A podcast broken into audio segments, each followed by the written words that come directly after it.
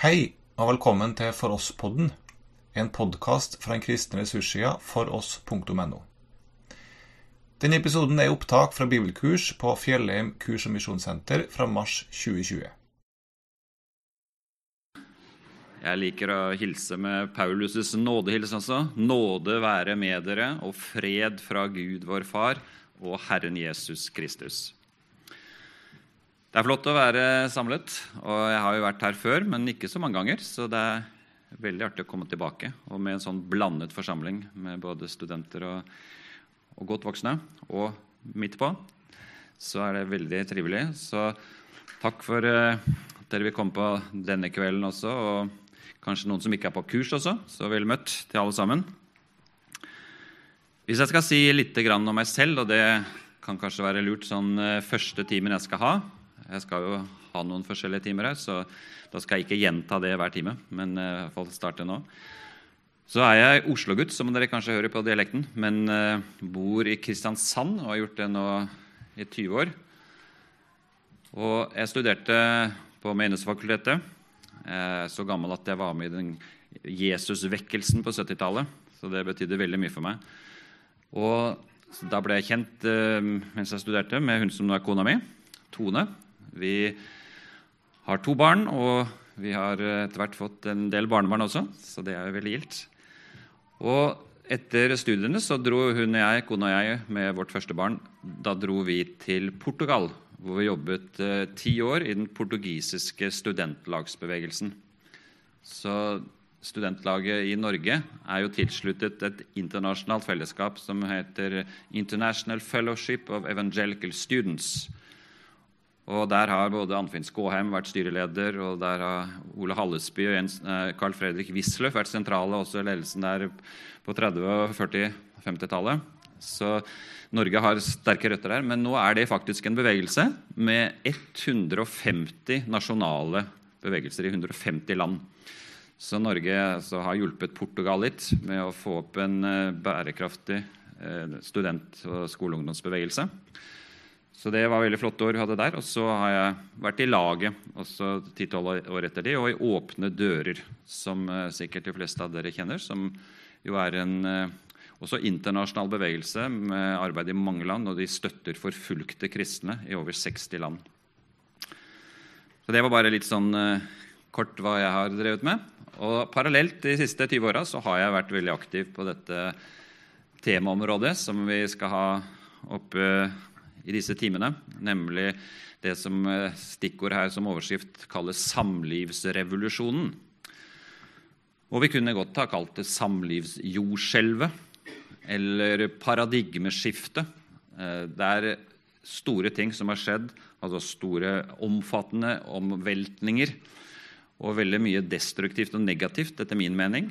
Og det er eh, mye av det vi skal komme inn på nå i løpet av de neste dagene, par dagene. Eh, hva det innebærer, og, hva som også er bakgrunnen, og hva som kan bli konsekvensen av dette.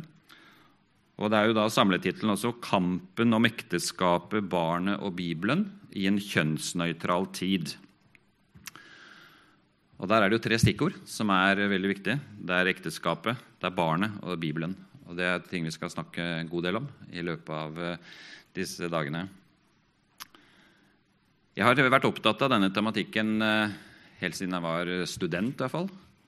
Kanskje før det også, men i hvert fall som student var jeg veldig bevisst på dette med at eh, det å ta Jesus og ta Bibelen på alvor, også når det gjelder seksualetikk, det er en del av disippelskapet. Å leve i Guds skaperordninger og leve i Guds bud. Og Da jeg kom hjem fra Portugal sammen med kona, så oppdaget vi veldig fort at det hadde skjedd mye på de ti årene i ungdomskulturen og også i kristne miljøer når det gjaldt dette med seksualetikk. Og da tok jeg sammen med noen Hall-studenter, for da jobbet jeg på bibelskolen i Mandal. Hall, som eh, laget drev på den tiden.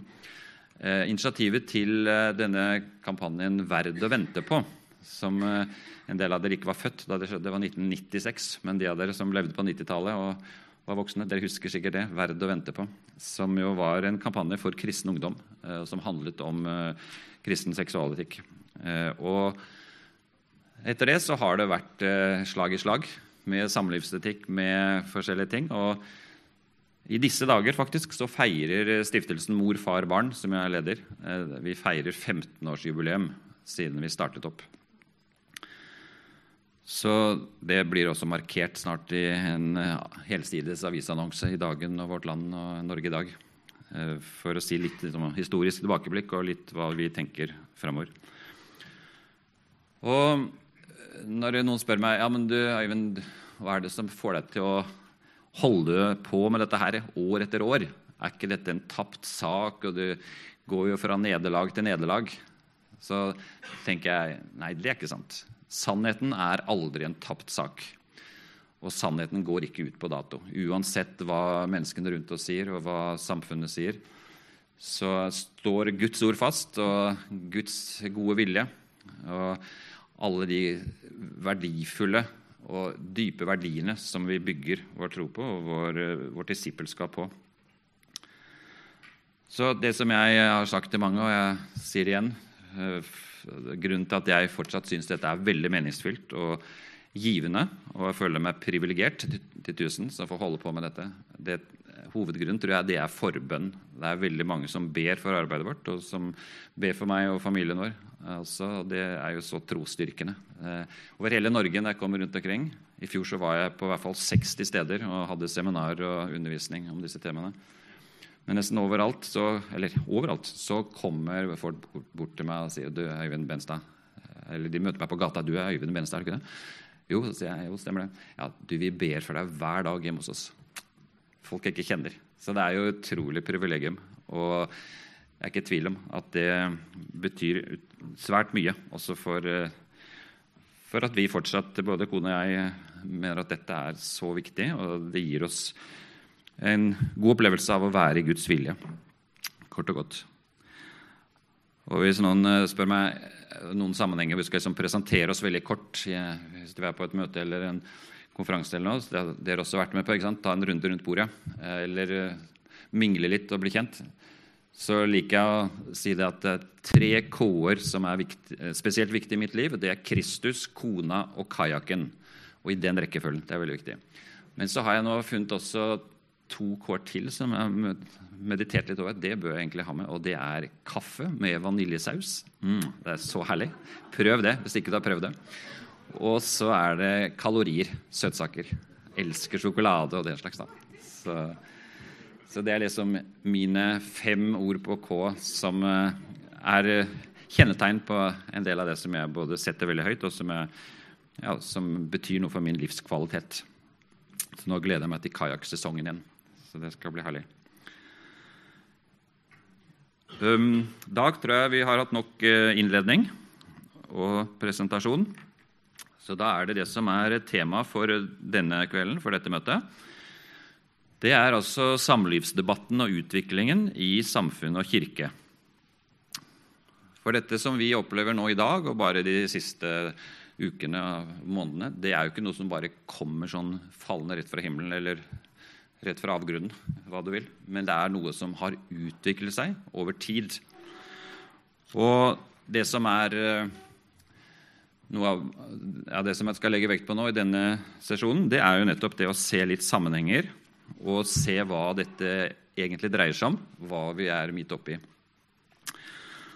Og jeg syns eh, noen spørsmål kan være ganske nyttige for å sette dette opp også i en større sammenheng enn bare det som mange tenker og tror når det gjelder eh, disse spørsmålene, nemlig at det dreier seg kanskje først og fremst om homofili, er det mange som sier. Men det gjør det faktisk ikke. Det dreier seg også litt om det, selvfølgelig, men det er bare en liten del nå av et helt nytt landskap som har åpnet seg med masse nytt, med en revolusjon og med et jordskjelv som er nevnt, som virkelig er av historiske dimensjoner, og hvor mange nå tenker tanker og mener ting som ingen før i verdenshistorien har ment. Det er bare så spesielt. Eh, mye henger også sammen med ting som har skjedd før. Med, altså det bygger jo på hverandre.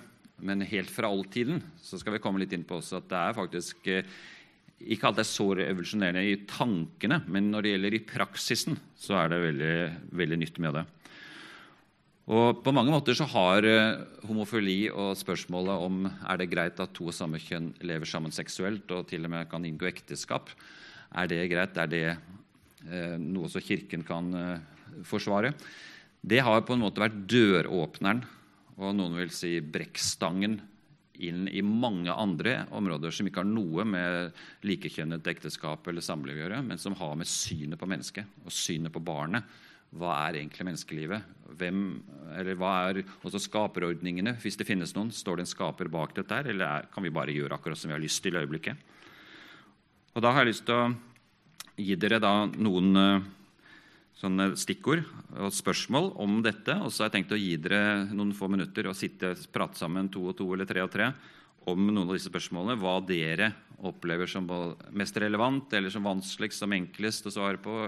Hvilke tanker og følelser dere får i møte med sånne spørsmål. Det første det er jo dette som er grunnleggende viktig, og ikke minst for oss kristne. Er verden og mennesket skapt? Står vi ansvarlige overfor en skaper? Eller finnes det ingen autoritet over og utenfor oss?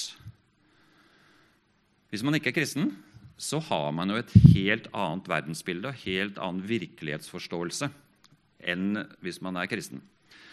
Og Det skjønner vi alle sammen, men ofte så tenker vi kanskje sånn at eh, de fleste nordmenn de har jo omtrent de samme oppfatninger om veldig mye, også innen etikk. Og det har jo vært tilfellet fram til nå nylig. Men nå blir det tydeligere og tydeligere, i hvert fall for meg, at uh, hvilket livssyn du har, hvilke autoriteter du har i livet ditt, det spiller utrolig stor rolle for hva du velger og hva, hvordan du lever. Og Mye av det som nå skjer rundt oss på samlivsfronten og med kjønn og med seksualitet, og alt mulig, det er også basert på det at mange, kanskje flertallet av nordmenn i dag, de regner jo ikke med noen gud. I hvert fall ikke i praksis. Og veldig mange eh, mener jo at verden er blitt til av seg selv, og det finnes ikke noen vi står ansvarlig for. Vi er bare høyerestående dyr og da kan vi jo gjøre akkurat som vi vil. Eh, det er klart det. Altså, det er jo logisk. Så vi er jo ikke bundet av noe moral og noe etikk så lenge det ikke skader andre. altså Hvorfor skulle vi ikke det heller? Men altså der, vi kan begrunne moralen sånn fornuftig, på en måte, sånn som humane etikere andre gjør, ut fra hva vi mener lønner seg, og hva som er best. Men vi har jo ikke noen sånn fundamental autoritet som alle bør og burde rette seg etter.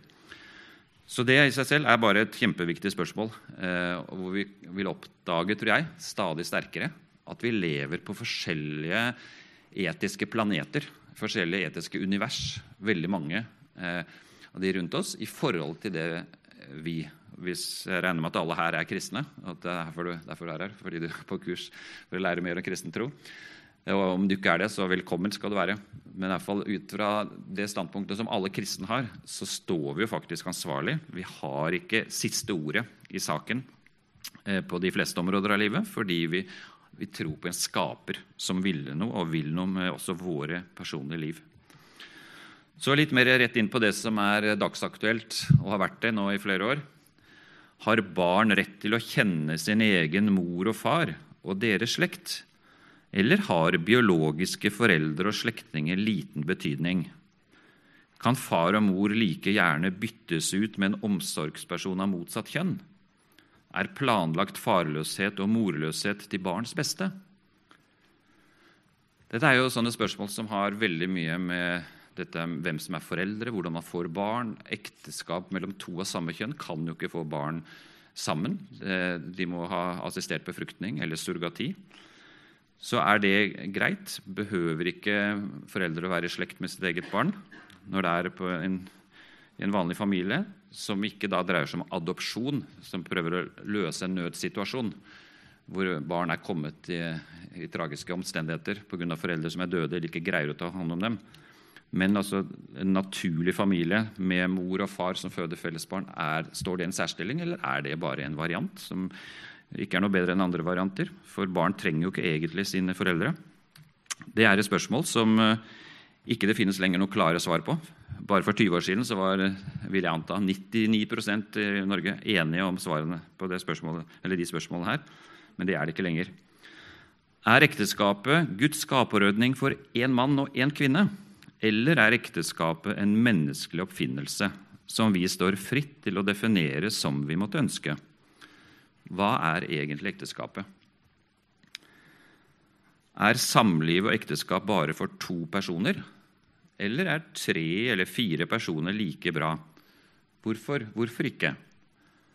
Er, som mange vil spørre nå i vår tid, er kjærligheten mellom tre kvinner er den mindre verd enn kjærligheten mellom to? Hvis to kvinner kan gifte seg, hvorfor skal ikke tre kvinner få gifte seg? Eller tre menn, eller to, to menn og en kvinne, eller de konstellasjonene man ønsker? Hva er problemet? Og så er kjønn bestemt av biologi, eller er kjønn bestemt av følelser? Det at alle menn har XY-kromosomer i hver eneste celle i kroppen, og kvinner har XX-kromosomer. Vi har forskjellige kjønnsorganer, vi har forskjellig hjernestruktur. Menn og kvinner er forskjellige biologisk. Har ikke det noe betydning? Er det bare følelser som bestemmer? Det er jo noe av det virkelig topp aktuelle i disse dager. Så her er det, som dere skjønner, mange spørsmål og mange konsekvenser av de valgene vi tar på det helt grunnleggende. Så da har jeg lyst som jeg nevnte, å gi dere noen minutter hvor dere sitter og prater litt, to og to, tre og tre, eh, eller fire, opp til dere, og så fordøye litt de spørsmålene sammen. Eh, hvilke tanker og assosiasjoner får dere? Har dere opplevd noe? Hva syns dere er vanskeligst, enklest? Følelser, refleksjoner. Så vær så god. Da er det opp til dere å få mest mulig ut av den tida. Og det blir, det blir bare noen få minutter, så det er ikke sånn halvtimes sesjon dette her, hvor dere skal prate. Så noen få minutter. Vær så god. Det som er helt sikkert når vi snakker om disse tingene her, det er jo at eh, vi som kristne har en ganske stor utfordring i kommunikasjonen, fordi det er mange som anser oss som så gammeldags og fordomsfulle, og vi så fordømmende, og vi er bare så altså motstrøms at det er ubehagelig for folk. Eh, og Det fører jo til også at eh, vi har en enorm utfordring nå i kristne kretser og kristne forsamlinger og grupper med en taushet som er overdøvende. Eh, og det vet ikke om det er deres erfaring, men i hvert fall veldig mye av det jeg opplever rundt omkring når jeg reiser, det er at folk er helt enige, eller de sier det sjøl. Og det er så fint at du kommer og underviser, for vi hører aldri noe om dette. Eh, lederne våre snakker aldri om det, vi får aldri noe undervisning. Og Det er jo en av de store krisene i Kristen-Norge eh, nå for tiden. Det er at dette temaet om samlivsetikk og barn og familie og kjønn, det er så lite framme i eh, undervisning og forkynnelse at de aller fleste de lurer mer og mer på, på hvordan skal dette gå, hva, hva, skal vi egentlig mene, hvordan skal vi begrunne det vi tror på. Uh, og ikke minst også i møte med folk som fordømmer oss. Og da skal vi snakke mer om det etter hvert. Men uh, en av grunnene til at jeg syns denne tida som vi er inne nå, er spesielt dramatisk og skjebnesvanger, det er jo denne tausheten og tafattheten i kristne sammenhenger om disse temaene. Og Hvis ikke den endres, hvis ikke det skjer noe at kristne ledere og bibelgruppeledere og kristne foreldre og besteforeldre også for en saks skyld, begynner å investere tid og krefter og penger for å ruste opp kunnskapen og dermed også frimodigheten Hvis ikke det, det skjer i løpet av noen få år nå, så vet jeg ikke hvordan kirkelandskapet i Norge vil se ut om eh, fem år, om ti år. Og Det vet jo ikke dere heller. Men altså det kan bli veldig annerledes enn det er i dag. Fordi det er så lett da å bare tilpasse seg. Fordi presset er så stort, og trykket også innenfra fra våre egne sammenhenger vil øke hvis ikke det blir undervist, og hvis folk egentlig ikke skjønner alvoret. Så Derfor så er jeg veldig glad for at uh, at vi får disse timene nå sammen. Og jeg håper jeg kan motivere dere, og dere kan motivere hverandre til også å lese mer og sette seg inn i disse sakene og vite det at uh, denne tematikken den går ikke over til neste år eller om fem år. Jeg personlig tror i hvert fall hele min levetid, og sannsynligvis hele levetiden til dere unge også, så vil dette være veldig aktuelle spørsmål og Derfor så jo tidligere man får kunnskap nok til å være trygg og tørre å snakke om de tingene her og vitne om det på en vennlig og saklig måte, jo bedre er det for deg selv. Hvis ikke du gjør det, så blir det selvpining i årevis framover. Det kan jeg garantere. Det blir vanskeligere og vanskeligere fordi du har både dårlig samvittighet, du vet ikke nok, du er redd for å si noe for å ikke støte noen eller for å si noe feil osv. Så, videre. så Derfor så, så, trenger vi å ruste oss, og vi trenger å oppgradere vår kunnskap og vår frimodighet. Og når vi snakker med folk, og når vi også reflekterer selv og snakker med våre barn og barnebarn, og alle mulige, så er det noen få eh, spørsmålsstillinger og momenter som jeg tror er helt grunnleggende eh, for oss som eh, er kristne. Og Det er jo dette med at vi skal ha Jesu budskap og hans eksempel som retningslinjer. Og Det skal vi ta opp mer i morgen i en egen sesjon. Men bare sånn helt grunnleggende, som er nødt til å følge med oss hele tiden, det er jo å fortelle folk som eh, mener at vi er så annerledes og fordømmende og så ondskapsfulle, nærmest. Vi må bare si tydelig det som mange ikke har oppfattet, at alle mennesker er skapt av Gud og har samme verdi og menneskeverd. Vi er alle høyt elsket av ham. Samtidig lever vi i en ufullkommen verden der ikke alt fungerer slik Gud ønsker. Men dette her med at alle er skapt Vi er ikke noe bedre enn andre. Vi er ikke noe mer elsket av Gud enn andre. Eh, vi har tatt imot Jesus og har del i masse privilegier. Men alle mennesker er jo høyt elsket av Herren. Så høyt har Gud elsket verden at han ga sin sønn den enbårne. Og alle er skapt i Guds bilde. Det er ikke sånn at vi tror det at noen, eh, vi som er kristne, vi er skapt i Guds bilde, og andre ikke det. Vi må få inn eh, i våre samtaler sånne ting som vi syns er helt selvsagte. Alle vet jo det. Nei, de gjør ikke det lenger. Det er mange som aldri hører kristen forkynnelse. De har aldri åpnet Bibelen. De kjenner kanskje ingen kristne. De tror det at vi ser ned på dem, at vi forakter dem, at vi tror vi er bedre enn andre, osv. Derfor så er det så viktig at vi venner oss til det at folk som vi snakker med, de trenger å høre at vi er akkurat i samme båt som dem. Vi har akkurat samme behov for tilgivelse, for ledelse, for å bli elsket av Gud. og Vi er ikke noe bedre enn dem. Så dette, og at vi er i samme båt, det er bare helt fundamentalt. Det neste det er jo at uh, nestekjærlighet er jo grunnleggende ord i kristen etikk. Kristne er kalt til å møte alle mennesker med Jesu kjærlighet i ord, holdninger og handlinger. Guds ord oppfordrer oss til å vise respekt, vennlighet, likeverd, empati osv. overfor alle, også dem vi kanskje er dypt uenige med. Det er jo det som Jesus kaller oss til, å elske Gud av hele vårt hjerte, og så elske vår neste som oss selv. Og Vår neste det er jo ikke bare de vi liker, men det er jo også de som vi ikke kanskje har så mye til overs for, eller de vi vet de liker i hvert fall ikke oss. Jeg håper at vi blir mer og mer preget av en radikal kjærlighet. At vi kan si om alle mennesker at jeg ønsker ditt beste. Jeg ønsker virkelig ditt beste i alle sammenhenger, uansett hvor uenige vi er. Og at vi kan vise det da både i ord, holdninger og handlinger. Og det er jo dette ordparet veldig sentralt, som står i Johannes 1, at Jesus kom med nåde og sannhet. Ja, han er full av nåde og sannhet. Og Begge deler, begge disse ordene, nåde og sannhet, er nødvendige og bibelske. Ikke bare nåde eller bare sannhet. Det er som to vinger, to årer, to togskinner. Begge er viktige og uunnværlige. Hvis du er oppe i et fly og en vinge faller av, så blir det katastrofe. Og hvis du kjører med toget, og plutselig så er det noen som har fjernet en togskinne, så blir det også katastrofe. Og så Her er det så viktig at vi har begge deler. Nåde, respekt, vennlighet, godhet. Møte mennesker sånn som Jesus ville møte mennesker. Og så bygge bro av tillit. Bygge bro av eh, så gode relasjoner som det er mulig å ha. Uansett hvem de er og hva de tenker og mener. Og vi kan ikke ha like gode relasjoner med alle og like mye tid med alle. det er ikke sånn, Men altså, at vi fra vår side prøver å bygge broer over til andre mennesker, men samtidig trekke grenser av sannhet. Vi kan ikke la oss presse til å oppgi det vi tror er godt og rett og sant, fordi andre er uenige med oss. Vi kan være, ha en god relasjon, være gode venner, men samtidig stå fast på det jeg tror på, vi tror på, som kristne. Fordi vi tror det er noe som er sant, og det er noe som er løgn, noe som ikke er sant. Og Da har jeg lyst til å si noe som jeg eh, syns er en veldig god hjelp til meg selv, og jeg vet de andre også.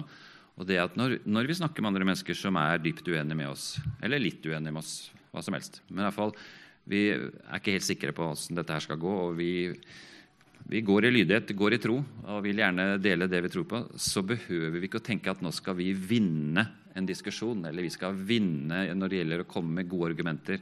Vi skal være de beste og de som virkelig kan uh, komme med så overbevisende argumentasjon at de andre må gi seg. Nei, Det er for det første nesten umulig ofte. Og det er veldig, veldig krevende og, og sånn energitappende å alltid gå med den holdningen at vi skal vinne noe som helst. Nei, vi kan vitne om det vi tror på. Vi kan vitne om det vi bygger livet vårt på. Hvorfor vi tror at ekteskapet er for mann og kvinne. Hvorfor barn fortjener sin egen mor og far. Hvorfor det er to kjønn osv. Hvis de er helt uenige, helt greit, men jeg kan i hvert fall vitne eh, hvorfor jeg mener det, begrunne det og fortelle dem. Samtidig også fortelle at de er like høyt elsket, de har like høyt menneskeverd som, eh, som meg, selv om de tenker annerledes og kanskje også lever annerledes enn jeg mener er rett etter Guds vilje. Så det er ikke vinne, men å vitne. Det gjør at uh, i hvert fall jeg, og tror sikkert dere også, hvis dere er bevisste på det, kan senke skuldrene litt og ikke ha så høye ambisjoner om at nå skal jeg overbevise de andre, og nå skal de skifte mening. For det skjer som regel ikke allikevel. Men hvis vi vitner, så kan det godt være at vi sår frø inn i de menneskene som ikke vi ser noe effekt av der og da, men på sikt så kan det bety noe når vi vitner om eh, det vi tror på, hvem vi tror på, Fortell om Jesu betydning for oss og Bibelen, samtidig som vi kobler alt til dette med Guds bud og Guds uh, skaperordninger. Dette er uh, litt sånn uh, innledende saker til denne tematikken, som er et fundament som jeg tror personlig er så viktig å være seg bevisst. Hvis vi nå skal se litt på det historiske, hva som har skjedd i Norge de siste 50 årene, så kan vi gå tilbake sånn til rundt 1970, til 1972. For da skjedde det noe i norsk lovgivning om kjønn samlivekteskap som har hatt betydning, selv om det, det merketes ikke der og da noe særlig fordi det var to sovende paragrafer to paragrafer i norsk lov som sto der, men som ikke hadde vært i bruk på flere generasjoner i praksis. Det var ingen som hadde blitt straffet eller fått bøter eller satt i fengsel eh, for å bryte de paragrafene, men de sto der som et signal fra samfunnet hva samfunnet syntes var best. Og Det ene det var at det faktisk var lovstridig å være samboere en mann og en kvinne som bodde på samme adresse og ikke var gift. Det var egentlig strid med loven. Konkubinatparagrafen, som het. Fordi samfunnet ønsket at uh, mann og kvinne skulle gifte seg, for det var mye mer stabilt og bedre for barna osv. Derfor så, så var det en sovende paragraf for mange som levde som samboere. Uh, det er mange flere i dag, men altså det var også en del da. Men uh, det var faktisk sånn i 1972 at da ble den loven endret. Og Det samme ble en paragraf mot homoseksuelle handlinger. Den ble også avskaffet i samme, samme sesjon i Stortinget, hvor de to paragrafene ble fjernet. Og Det sier litt om hvor mye som har endret seg også på de 50 årene. Eh, nå er jo 50 år et, et god del år. da. Det er jo et halvt århundre. Men altså, hvis vi starter der, så ser vi at eh, i vår levetid som vi som er over 60 år, som husker dette her, 1972 vi, eh, vi husker kanskje til og med at det skjedde. Og Det hadde ikke noen sånn spesiell effekt der og da, fordi som sagt, de paragrafene var ikke anvendt i praksis på lang tid. Men det, det skapte en ny dynamikk i hvordan også folk tenkte når det gjelder disse to tingene om samboerskap og ekteskap, og med homoseksualitet. Og da skjedde jo ting i årene som kom, etter det med at i 1993 så hadde vi da kommet til den situasjonen at Norge som et av de første landene i verden Ikke det første, det var Danmark, men vi var vel det tredje eller fjerde landet tror jeg, i Europa i hvert fall, som innførte partnerskapslov for par av samme kjønn. Den var nesten identisk med ekteskapsloven. Hovedforskjellen var at staten hjalp ikke likekjønnede par med å få barn. Så Partnerskapsloven var så å si en avskrift av ekteskapsloven. De ga akkurat de samme rettigheter og samme plikter, men det var unntak med barn. at Det ble ikke åpnet opp for at likekjønnede par kunne adoptere barn, og heller ikke at staten eh, med hjelp av kunstig befruktning eller surrogati betalte for at uh, likekjønnede par skulle få barn via uh, kunstige metoder. Så den loven syns eh, mange var grei, og trodde at den skulle bli stående i mangfoldige år, fordi det ble forsikret i Stortinget at det kommer aldri til å bli noe med barn inn i disse lovene med likekjønnpar, for barn har rett til mor og far. Men eh, det varte jo ikke så lenge før eh, det ikke lenger var tilfellet at så mange mente det. Eh, partnerskapsloven gikk gjennom med én stemmes overvekt i Stortinget den, den, gangen. og En hovedgrunn til at så mange var imot den loven i den formen som den fikk, det var jo nettopp at den lignet så mye på ekteskap at mange forutså at snart kommer det krav om at også barn skal høre med. Og det skjedde jo veldig fort. Så etter 15 år så fikk vi da den nye loven som eh, ikke lenger er så ny, den er jo tolv år gammel, da. men uh, denne kjønnsnøytrale ekteskapsloven den ble vedtatt da. To av samme kjønn kan gifte seg.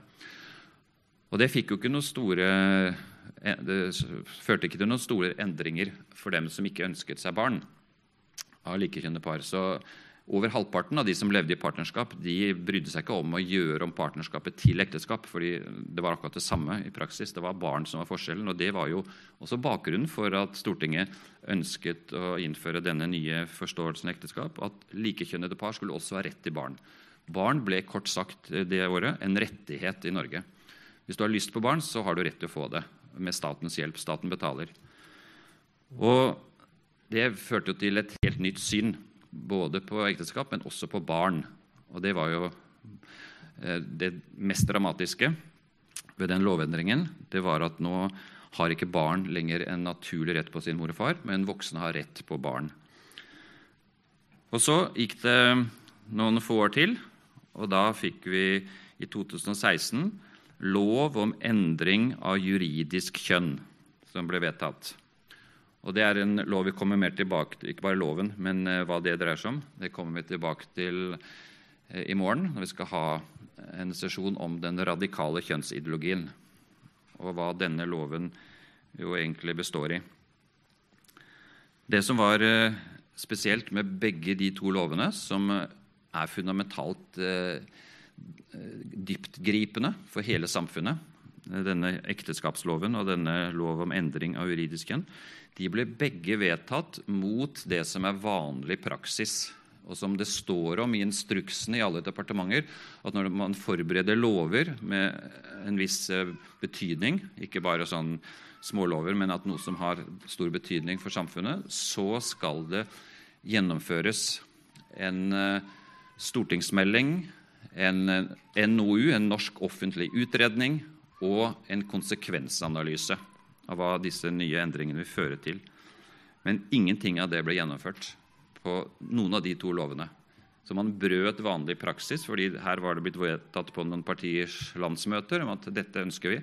Og så mente man at da var ikke det nødvendig egentlig å gå til noen av disse andre prosedyrene. Og Den norske kirke kom da til i 2017 at eh, de også ønsket å omdefinere ekteskapet, eh, sånn at det ble innført kirkelig bryllup og en ny teologi for to av samme kjønn. Sånn at eh, to av samme kjønn nå er rette ektefolk i Guds øyne når de blir viet i en kirke. Og det er de i og for seg hvis de blir viet på rådhus også, i denne nye teologien. Og disse stikkordene og disse årstallene som dere ser her, de er eh, grunnleggende årstall som det er verdt å merke seg. men eh, Det skjedde jo også ting innimellom her, men dette er liksom milepælene eh, på veien mot det som er um, indikert er med et spørsmålstegn helt til høyre og pila der. Eh, hva kommer så videre? Hva er konsekvensene av disse lovendringene? Og Det kommer vi tilbake til i um, senere sesjoner. Hvis vi ser litt nøyere på det som skjedde den uh, junidagen i 2008, da ekteskapsloven ble kjønnsnøytralisert, så var ikke det bare én lov som ble endret da.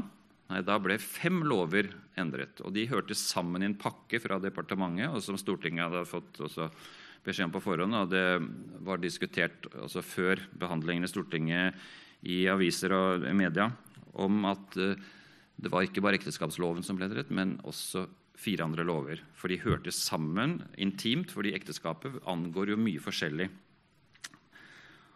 Og da er det fem lover altså som ble endret. Det ene var den vi har snakket om, ekteskapsloven.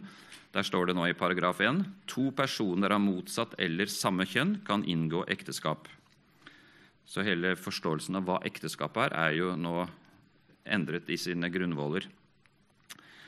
Og det har ikke noe spesielt med barn å gjøre, fordi det spiller ingen rolle om eh, dette paret kan få barn sammen eller ikke. Det er ikke en del av ekteskapsforståelsen lenger. Bioteknologiloven ble endret. To kvinner i parforhold får statens hjelp til å føde barn ved assistert befruktning med sæd fra en donor. Og du, det er par, altså parforhold med to kvinner. Det kan være noen som er sånn såkalt gift i, i en seremoni, eller det kan være eh, noen som er samboere. Bare de har et stabilt forhold, så eh, får de statens hjelp til å føde barn. Og da er det med sæd fra eh, enten eh, sædklinikk, eller hva kaller det, fertilitetsklinikk på Haugesund sykehus eller på Rikshospitalet. De som ikke ønsker å få statens hjelp fordi de ønsker anonym sæddonor, de drar da gjerne til Danmark og får barn der ved at de kan velge ut um, fra en uh, sædbank på Internett for eksempel, hvem de ønsker skal være donor. og Så drar de til Danmark og blir befruktet. Og I Danmark så er det en grense på 25 barn som hver sæddonor kan være far til. Så i Danmark så kan du lett bli halvsøsken. Eh, ikke bare i Danmark, men altså folk som har vært og fått barn i Danmark. Og det er nå flere tusen norske kvinner som har vært i Danmark og fått barn eh, i, med anonym sæddonor. Men i Norge er det sånn at når det barnet som blir født på denne måten eh, med at det er staten som eh, betaler, så eh, er det ikke anonymt, men barnet som eh, da blir født, kan få vite hvem denne mannen er, fødselsnummeret og nasjonaliteten. Hvis det kan godt være en utlending også, fordi det er ikke nok sæd i Norge til å dekke behovet. Men da kan dette barnet få vite det når han eller hun har fylt 18 år, altså når det blir voksent så kan barnet få vite hvem som er mannen, som egentlig er faren. Eh, hvis det er i Danmark anonymt, så kan man aldri få vite det. Da er det ukjent eh, for all framtid. Barneloven, paragraf 4 ble også endret eh, på denne samme dagen. Og Der står det eit barn kan ikke ha både ein far og ei medmor. Det vil altså si hvis man omskriver dette bare forklarer hva det betyr. Et barn med medmor har ingen far- og farsslekt. Og det er jo en løgn, for alle barn har en far. Det finnes ikke et menneske på jorda som ikke har eh, far og mor. Selv om ikke de vet hvem de er, eller eh, aldri truffet dem, så, så er det jo sæd fra en mann og egg fra en kvinne som er eh, bakgrunnen og forutsetningen for at barn blir født. Men altså, staten mener at det barnet har ingen far juridisk sett. i hvert fall. De, den mannen regnes ikke med, og det barnet er livsarving til den medmoren. Så det barnet kan arve slektsgården til den kvinnen som er medmor, hvis hun er odelsjente, denne medmoren. Og Her er det jo advokatføde for eh, rettssaker og sånn videre. Det første tilfellet nå er i Danmark, som pågår nå i disse dager. Og Det er jo en kvinne som er medmor, og som ikke ønsker å være medmor lenger. fordi hun, har, hun ble skilt fra den eh, andre kvinnen for flere år siden. Det barnet ble født, og hun har skrevet under på papiret at hun er medmor. Men hun vil ikke ha de, den bindingen til det barnet. For hun har ikke noe mer med det å gjøre. Og det er sikkert også noe med slekta, som eh, at dette barnet skal arve henne og sånn eh, om 20-30-50 år. Enda de aldri har noe med hverandre å gjøre. Og hun vil da frasi seg medmorskapet. Og da er jo spørsmålet, Det er gått til Høyesterett i Danmark. dette, det, Noe lignende kommer helt sikkert til Norge også snart. Og det er jo, Går det an å frasi seg et medmorskap? En far kan jo ikke frasi seg farskapet hvis han er far. Kan en medmor gjøre det? Og Det er spørsmålet. Det skal jo ikke være diskriminering. Det skal ikke være forskjell her. Det er jo fullstendig likt i lovverket, så hva gjør man da? Så dette blir interessant å følge med på. Men i hvert fall er det noen av forutsetningene for politikeres tankegang nå, da. At når barn har en medmor, så, så er far ute av bildet for all framtid. Eh, adopsjonsloven To menn eller to kvinner kan adoptere utenlandske og norske barn på lik linje med mann og kvinne. Det er jo en lov som, eh, den av disse fem lovene som har minst, hatt minst betydning hittil, fordi det faktisk ikke har vært noen land i verden som har ønsket å sende adoptivbarn til Norge eller andre land hvor de skulle bli tatt hånd om av to av samme kjønn. De mener at disse barna har hatt en vanskelig start på livet. Da skal de i hvert fall få ha mor og far. Adoptivmor og adopsjonsmor og adopsjonsfar. Men nå er det to land i verden som bryter med dette, og som har åpnet opp for at uh, eh, f.eks. norske menn eller norske kvinner da, også kan uh, få adoptere likekjønnet par. og Det er Colombia og Brasil. De to landene har nå i fjor og forfjor uh, åpnet opp for det. Så det har faktisk allerede vært et norsk mannlig par, to menn, som har reist til Colombia tror jeg det var, og hentet et adoptivbarn. Men det er bare noen håndfull av hele verden foreløpig som har gjort det. Men eh, det blir kanskje litt vanligere hvis eh, flere land åpner opp for det. Så er det noen som spør ja, men er det ikke bedre for barn å vokse opp eh, med to av samme kjønn hvis de kanskje bor på gata eller kommer, bor på et barnehjem eller de bare har det fryktelig vanskelig? Er det ikke da bedre enn at de skal fortsette å bo i en sånn vanskelig situasjon og leve slik?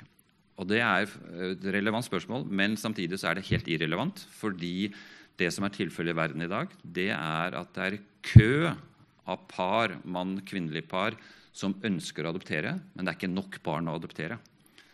Eh, adopsjonspraksisen i mange land har gått ned eller blitt forandret ved at de ønsker heller at det skal finnes adoptivforeldre eller ordninger i landet barnet kommer fra. Så Kina for eksempel, har kuttet dramatisk i antall barn de sender ut av landet.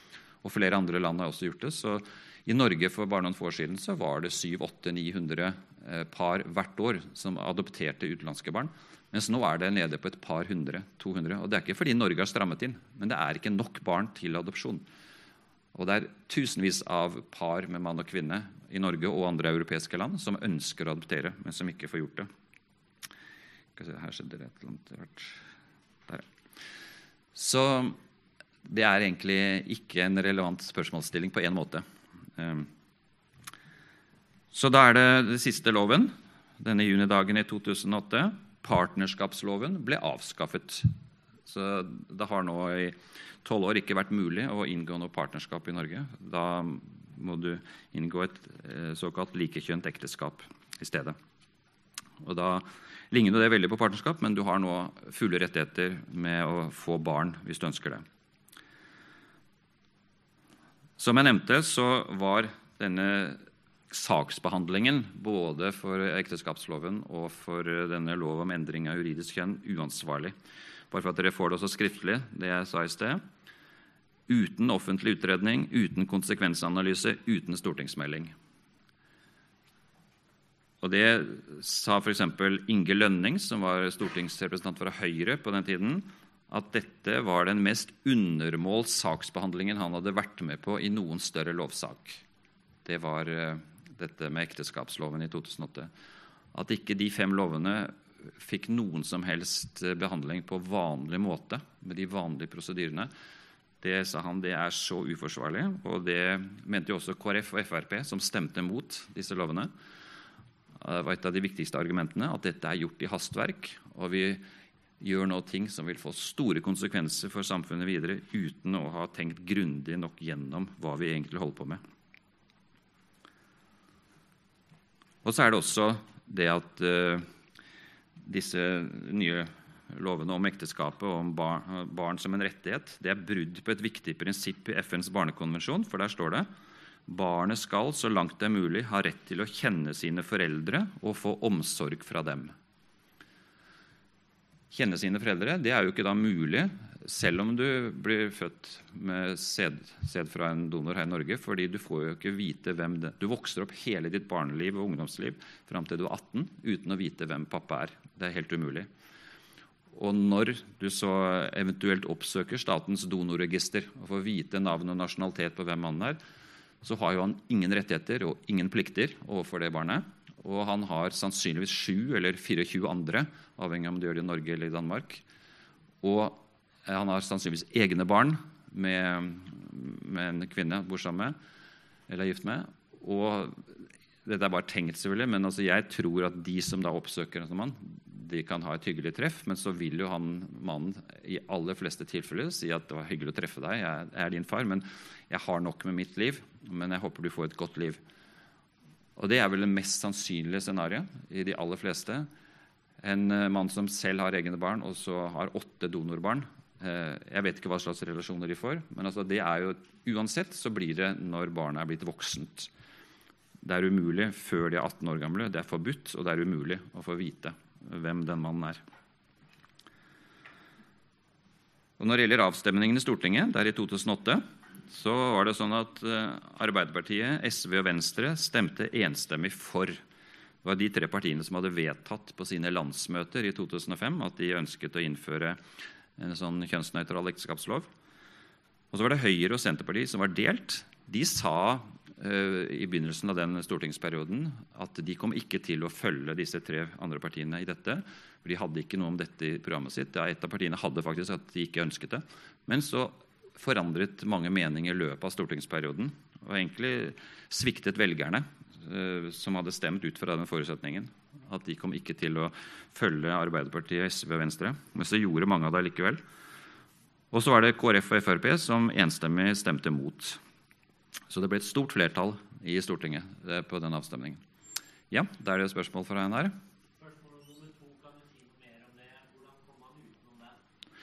Ja, um, Spørsmål nummer to om FNs barnekonvensjon.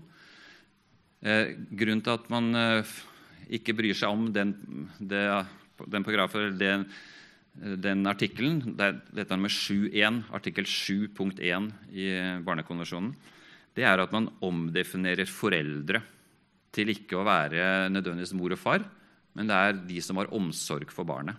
Eh, det er jo en tilsnikkelse, for det er ikke sånn Barnekonvensjonen er laget og forarbeidende. Og i alle eh, sammenhenger hvor det snakkes om foreldre der, så er det jo tydelig at det menes biologiske foreldre. Eh, fordi man snakker om fosterforeldre, adopsjonsforeldre, om andre typer foreldre. Men når det snakkes om bare foreldre, så menes det de biologiske foreldrene. Men der er Barnekonvensjonen ikke spesifikk, men hvis man ser det på den måten det ble ment da den ble skrevet, og forarbeidene, så er det tydelig. Men det som også er veldig interessant og skremmende, synes jeg, det er jo at nå er det flertall på Stortinget, og det blir kanskje vedtatt i mars om en måneds tid, at eh, staten ønsker også nå, og flertallet på Stortinget mener at eh, de skal gjøre det, får se om det blir, men i hvert fall ser det sånn ut, at også enslige kvinner skal få statens hjelp til å få barn. Og Da blir det ikke engang to personer, det blir ikke to omsorgspersoner. Da mener eh, stortingspolitikerne og mange andre enda klarere enn det er i denne ekteskapsloven, at far er overflødig. Kort og godt far er irrelevant. Far behøves ikke et barns liv.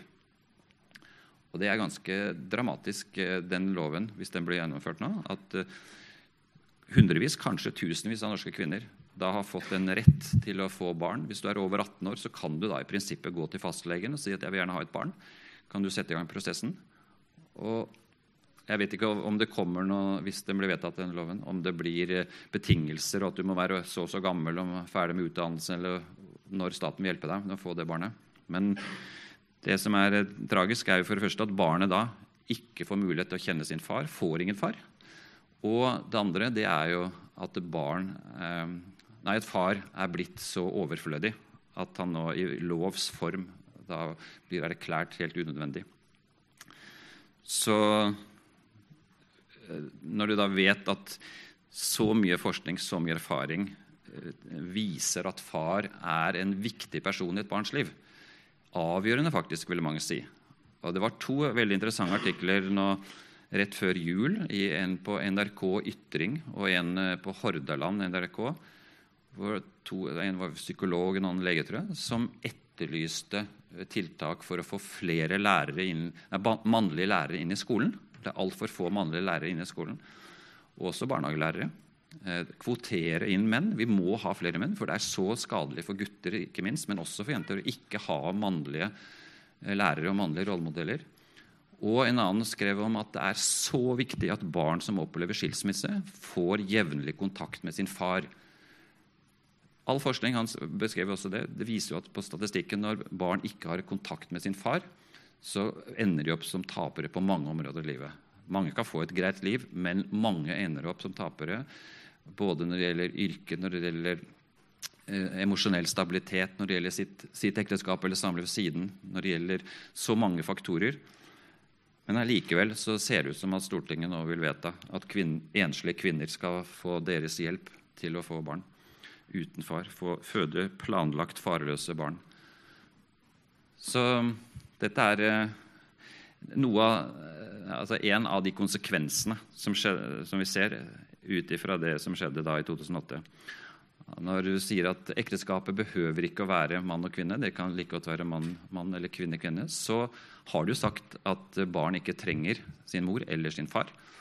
Og du har sagt samtidig også at kjønn er helt likegyldig. Kjønn betyr ikke noe. Kjønn er bare en variabel som vi kan gjøre som vi vil med.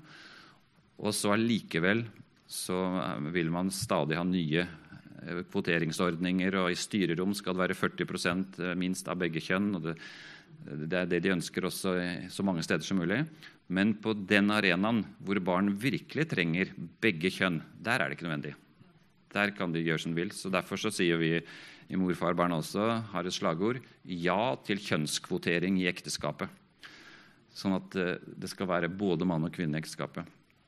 Det syns vi hadde vært virkelig på sin plass.